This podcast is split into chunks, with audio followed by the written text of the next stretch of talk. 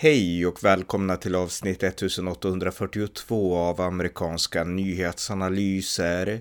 En konservativ podcast med mig, Ronny Berggren, som kan stödjas på swishnummer 070-30 28 95 0. I Ryssland har den Putin-kritiska oppositionspolitikern Vladimir Kara-Murza nu dömts till 25 års fängelse för förräderi här berättar jag om det och varför väst inte får förlora fokus i kampen mot det ryska tyranniet. Varmt välkomna! Ja, det var ett tag sedan som jag uppdaterade om Ryssland. Förra året, 2022, så gjorde jag ju 55 poddavsnitt om Ryssland och om kriget i Ukraina. Men i år har jag inte poddat sådär supermycket på, om Ryssland utan jag fokuserar på andra saker.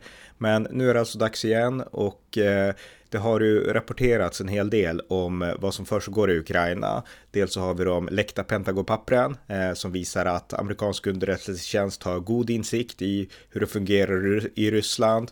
Eh, vi har också fått förståelse för att Ryssland saknar ammunition, saknar vapen, man skickar gamla sovjetiska stridsvagnar som inte känner någonting till.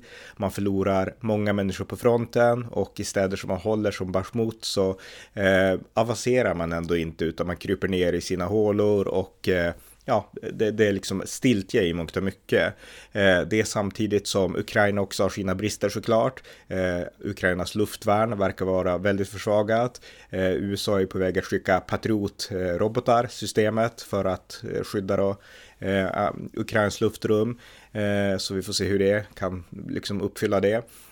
Och Ryssland fortsätter att terrorbomba Ukraina också, så att det går fram och tillbaka, men där det ryska avancemanget för att överta delar av Ukraina, där står det helt stopp och Ryssland verkar inte ha några goda utsikter av att kunna skicka kunnig eller effektiv ny militär personal till fronten. Och på hemmaplan så fortsätter Ryssland att arrestera egna medborgare som protesterar mot kriget eller som försöker fly eh, från att tjänstgöra i Ukraina eller som kanske till och med stöder Ukraina i det tysta eller i det öppna. Och eh, huvudskälet för just den här podden det är att eh, i, i Ryssland så har man nu eh, dömt en av de mest kända Putin-kritikerna, oppositionpolitikern Vladimir Karamursa. Han har dömts till hela 25 års fängelse för så kallat förräderi för att han har kritiserat Putins styre av Ryssland och kritiserat kriget i Ukraina. Och eh, Vladimir Karamursa är en känd person som jag visserligen personligen inte har varit bekant med i så många år. Men han var en nära vän till John McCain, en av mina favoritpolitiker. Och eh, förra året då, i april förra året, när han blev eh, tillfångatagen av rysk säkerhetstjänst för att ha kritiserat eh, Putin och kriget i Ukraina i en intervju med amerikansk media så dömdes han då till 15 dagars fängelse. Och eh, då kunde man hoppas på att det här kanske ändå skulle gå relativt snabbt. Eh, men det har det inte gjort, utan han har suttit fängslad sedan dess. Och eh, igår så dömdes han då till eh, 25 års fängelse för förräderi. Och Vladimir Karamursa, han är ju en, alltså han har ägnat hela sitt vuxna liv åt att kritisera Vladimir Putin. Han har försökt varna väst. Väst har inte lyssnat på honom tyvärr, mer än John McCain och vissa andra. Men han var också vän till den mördade oppositionspolitikern i Ryssland, Boris Nemtsov. Och han vet mycket väl, eh, Vladimir Karamursa, vad det innebär att gå emot Putin. Man spelar med sitt eget liv och eh, han har varit beredd att göra det för att uppmärksamma väst på att väst måste sätta hårdare tryck på Ryssland och eh, därmed inte bara hjälpa sig själva utan även det ryska folket att nå frihet. Och under den här rättegången så var han väldigt, eh, han var modig, Vladimir Karamursa. Han sa på den sista rättegångsdagen att det här är eh, jämförbart, eh, den här processen, rättegångsprocessen med Stalins skenprocesser eh, på 1930-talet. Och eh, han sa att eh, Ryssland kommer att bli fritt, sa han när domen förkunnades. Och det här är alltså en 41-årig man som är en trebarnsfar och eh, har en hustru som älskar honom. Och eh, han är beredd att betala det här priset då för att eh, stå upp för sina principer i total motvind och totalt mörker. Så att vi i väst får inte glömma Vladimir Karamursa nu när han blir inlåst. Och vi måste fortsätta Eh, i alla kontakter vi har med Ryssland, att påminna om att eh, de här dissidenterna är inte glömda väst och att vi vill att de ska bli fria och få rätten att återförenas med sina familjer igen i frihet. Så att eh, vi får inte glömma honom, därför att nu risken finns att man glömmer alltid de här som blir inlåsta, därför att eh, världen går vidare och det händer så mycket annat. Men vi får inte glömma vare sig Vladimir Karamursa eller alla andra som har delat hans öde. Och eh, den här ryska lagen alltså om, om förräderi, alltså chansen att bli frikänd, den är i princip icke-existerande. Så att eh, det är många nu som utsätts för det här och som döms och blir inlåsta och blir bortglömda. Och eh, vi i väst har ett ansvar att se till att det inte sker. Så att eh, eh det var lite om det, om Vladimir Karamursa. Eh, en annan sak som också bör påminna om att vi inte kan släppa blicken och förlora fokus i kampen mot det här ryska tyranniet, det är att eh, Ryssland fortsätter också att operera i väst. Det är inte bara i Ukraina och det är inte bara på hemmaplan utan även i väst. Och Expressen hade en artikel som publicerades nu i Eh, idag tror jag att det var, som heter Ryska spionaget från ambassadens tak mitt i Stockholm. Och den här eh, artikeln då, och den publicerades i morse, eh, skriven av Mattias Karlsson på Expressen. Den avslöjar hur Ryssland använder sin ambassad som ligger ganska nära Expressenhuset.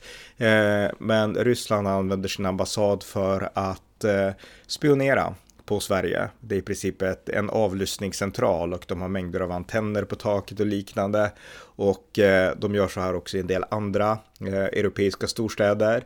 Eh, men här i den här artikeln då så beskrivs detaljerat hur hur antennerna ser ut och vad de kan användas till och det är olika säkerhetsexperter som uttalar sig och ger beskrivningar då. Så att eh, ambassaden i Stockholm är en spioncentral för Ryssland och eh, jag vet inte exakt vad man kan göra åt det. Ambassader är ju liksom fredade på ett sätt, men samtidigt så kan vi inte tillåta att eh, Ryssland har en spioncentral på det som ändå är svensk mark. Så att eh, det här är någonting som regeringen måste göra allt för att ta itu med. Vi bör utvisa eh, rysk eh, ambassadpersonal och eh, ja, egentligen vidta de åtgärder som behövs. För ambassader är inte till för att vara spioncentraler. Så att eh, jag vet inte vad som kan göras. Det här är någonting som säkerhetsexperter och politiker måste ta itu med. Men det kan absolut inte ignoreras. Utan det här påminner om hur pass eh, allvarligt hot Ryssland ändå är. Och eh, Eh, vi är inte med i NATO, utan Finland har kommit ner nu. Sverige är det enda landet, förutom kanske Moldavien och något annat land, jag menar om vi bortser från Ukraina och så, som ändå finns inom den ryska zonen som inte är med i NATO nu. Så att eh, det är av största vikt att vi tar sådana här hot på allvar. Och eh, eh man pratar också här med eh, Daniel eh, Stenling som är chef för kontraspionage på Säpo som också eh, ja, ge lite kommentarer i den här artikeln och så. Så att en läsvärd artikel på Expressen, läs gärna den. Det är liksom morgonens läsning. Eh, vad mer kan sägas då?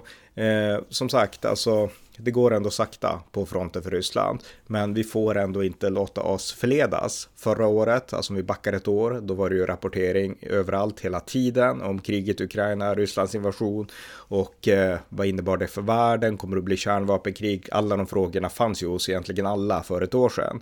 Eh, nu i takt med att Ryssland ändå har kört fast i leran i Ukraina och att eh, vi i väst har kunnat hjälpa Ukraina att eh, stoppa Ryssland så att kriget mot Europa pågår där och inte hos oss. Det har gjort att vi har börjat förlora fokus. Alltså vi har på något sätt börjat rikta in oss på helt andra saker för vi känner inte längre att vår egen existens hänger på det här kriget. Så kände man ju ändå lite förra året. Eh, och eh, det är på ett sätt såklart bra att, att vår existens inte hänger på det.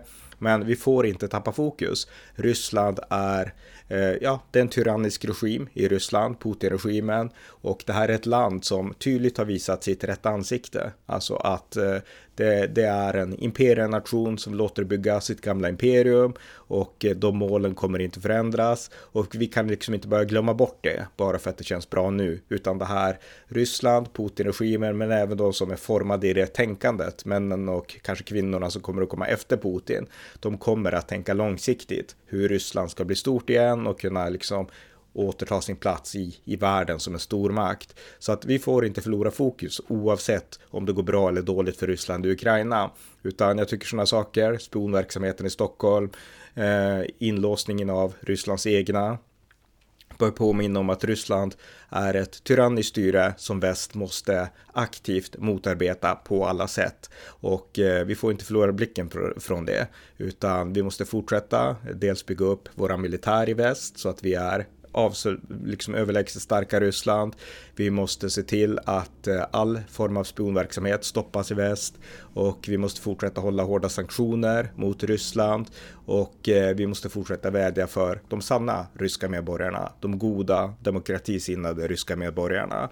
För Ryssland är ett bra land, ett fantastiskt land med en fantastisk befolkning. Jag har känt många ryssar, men de har en regim och det finns ett tänkande i liksom det, ryssla, det ryska mentaliteten som är imperialistisk och chauvinistisk och eh, den måste vi alltid konfrontera och vi får inte låta oss, vi får inte glömma bort att fortsätta stå emot den och eh, göra det bestämt, uthålligt och långsiktigt. Så att det var egentligen bara några korta maningar eh, i den här podden. Men eh, mitt huvudbudskap här är att vi inte får glömma oppositionspolitikern Vladimir Karamursa. En 41-årig trebarnsfar som har haft modet att eh, kritisera Putin och nu har dömts till 25 års fängelse. Det är människor med det modet som behövs och därför får vi inte glömma bort honom. Utan vi måste vid varje tillfälle som vi har lyfta fram hans rätt att bli fri och återförenas med sin familj i frihet. Tack för att ni har lyssnat på amerikanska nyhetsanalyser.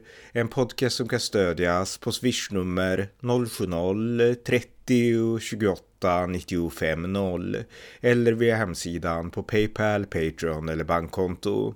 Skänk också gärna en donation till valfri Ukraina-insamling. Vi hörs snart igen. Allt gott tills dess.